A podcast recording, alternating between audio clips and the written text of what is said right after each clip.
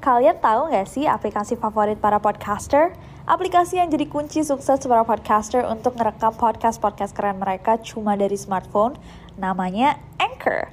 Anchor ini kalau aku bisa bilang adalah all-in-one app yang simple banget. Gak heran kalau para podcaster bilang bahwa aplikasi inilah kunci kesuksesan dari podcast-podcast mereka. Di Anchor, kalian gak cuma ngerekam suara, tapi juga bisa ngedit. Mulai dari rekaman, isi lagu, efek, dan lain-lain. Yang paling aku suka adalah karena Anchor ini super fungsional.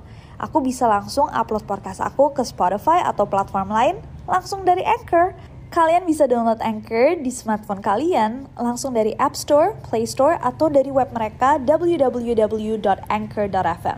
Trust me, Anchor is your best friend to create stunning podcasts. And you know what? It's totally free. Hey guys, it's Nancy.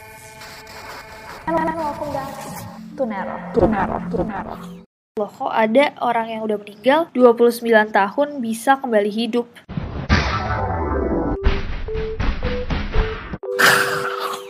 Hey guys, it's Nessie and welcome back to Neror. So kemarin pas kita lagi baca-baca request kalian di requestnasi@gmail.com, ada satu request yang kerap muncul berhubungan dengan adanya zombie di dunia nyata. So setelah kita mencoba telusuri, kita riset, kita baca blog-blog dari peneliti dunia, menonton dokumenter-dokumenter, kita putuskan bahwa ini adalah topik yang cukup seru untuk dibahas bareng kalian di Neror. Karena yang hari ini kita akan bahas adalah misteri adanya zombie atau mayat hidup asli di dunia ini yang bahkan diakui oleh pemerintah suatu negara. So kita akan coba bahas kupas tuntas misteri dan teori-teori konspirasi adanya mayat hidup. So without any further ado, stop senyum-senyum, cause shit's about to go. Menurut kita kasus yang satu ini cukup seru karena kalian bisa melihat dari perspektif orang-orang yang percaya, tapi nanti juga ada teori-teori yang mengkombat atau melawan kepercayaan itu. Zombie, pastinya kalian gak asing dengan nama zombie. Makhluk zombie atau mayat hidup sering kali muncul dalam film-film fantasi atau buat kalian teroris mungkin pernah lihat di film horor. Tapi mungkinkah zombie ada di kehidupan nyata? Well, maybe in Haiti, yes.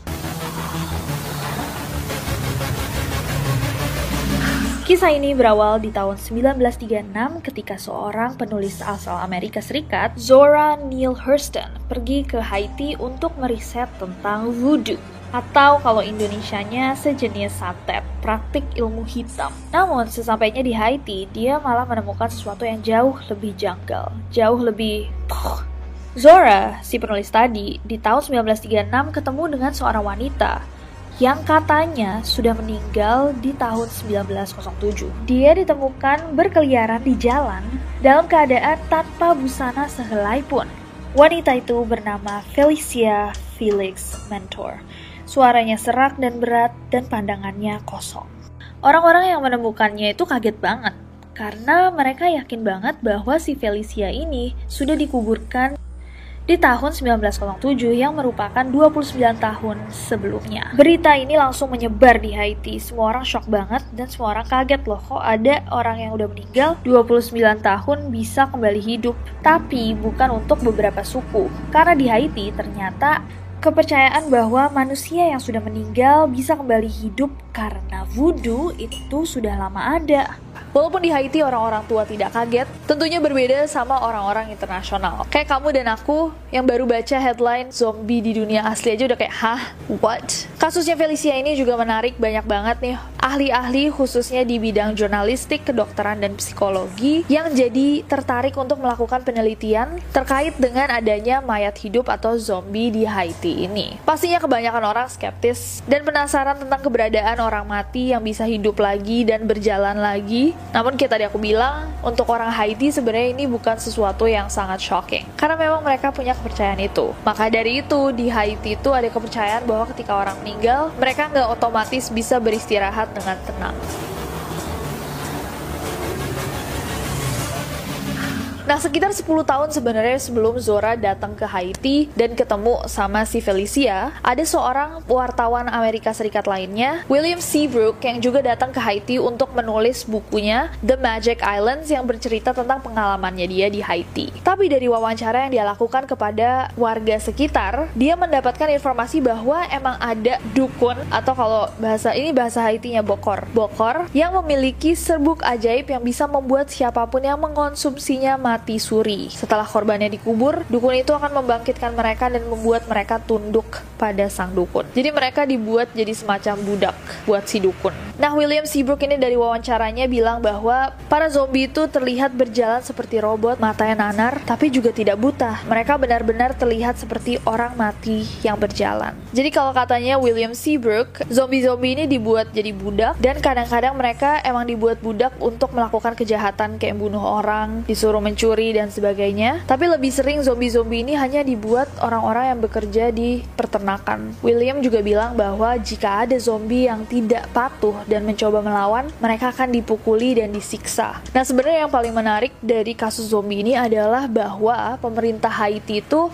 mengiyakan adanya prosesi zombifikasi. Jadi di Haiti saking orang percayanya dengan hal ini bukan saja mengakui dan membenarkan adanya praktik zombifikasi ini, mereka juga menetapkan proses zombifikasi sebagai kejahatan. Jadi kalau misalkan kalian ketahuan melakukan proses zombifikasi ini, kalian bisa dijatuhkan tindak pidana. Itu seakan kayak kalau di Indonesia, pemerintah kita mengakui by law, jadi mereka bilang secara faktual bahwa ya main jelang jelangkung bisa mendatangkan arwah. Jadi kalau ada yang main jelangkung, kalian bisa kena tindak pidana. Nah, balik lagi nih ke kasusnya zombie Felicia Felix Mentor tadi yang ditemukan sama Zora. Zombie Felicia itu akhirnya ditempatkan di rumah sakit karena dia didiagnosa memiliki penyakit skizofrenia.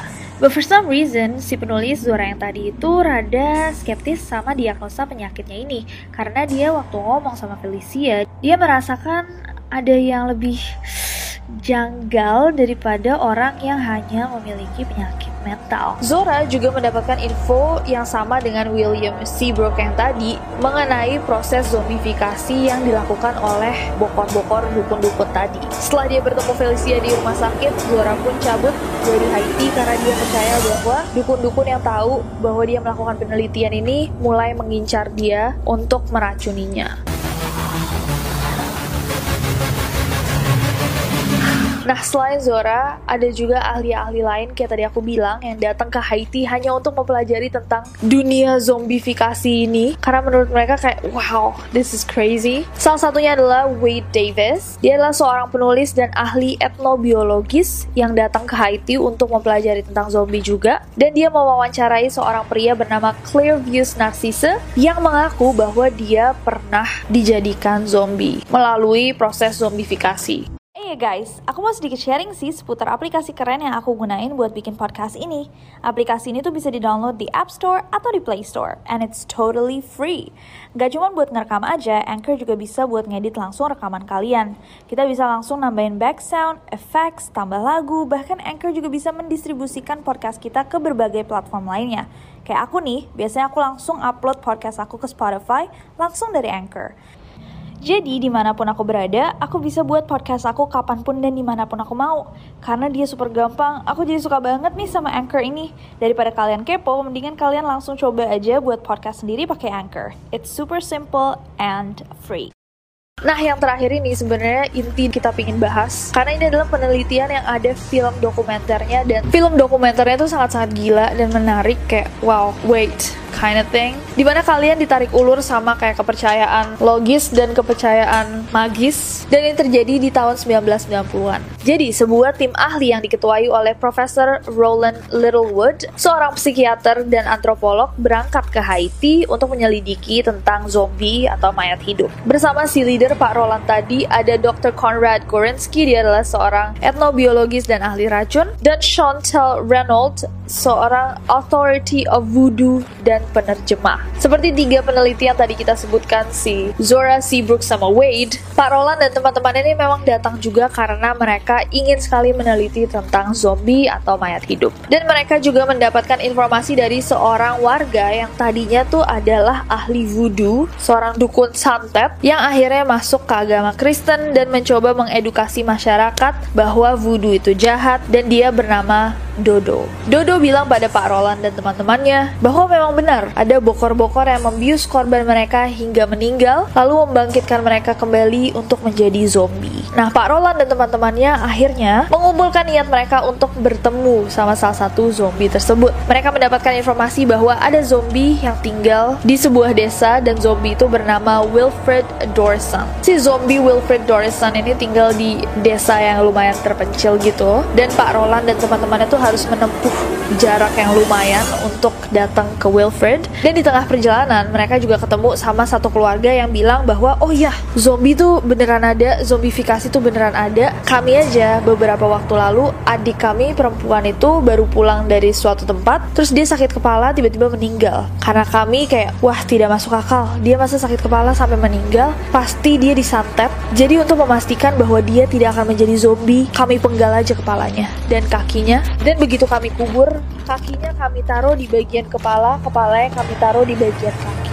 Biar dia nggak bangun jadi zombie. Pak Roland dan teman-temannya pun melanjutkan perjalanan mereka ke desa yang sudah pastinya orang-orangnya jelas ya percaya sama zombie dan proses zombifikasi. Sampai akhirnya Pak Roland dan teman-temannya bertemu dengan Wilfred yang pada saat ditemui kakinya sedang dipasung biar dia tidak bisa kabur ke mana-mana. Memang kalau misalkan kalian nonton dokumenternya kalian bisa melihat bahwa si sosok Wilfred ini sedikit off dari manusia normal. Dia terlihat seperti orang yang memiliki penyakit mental. Jadi kayak pandangannya kosong, diajak ngomong linglung, kayak orang bingung gitu deh. Keluarga Wilfred bilang bahwa sebelum meninggal dia itu sangat sehat dan baik-baik saja. Tapi setelah dia meninggal, lalu tiba-tiba dia balik ke kampungnya, dia menjadi seperti itu.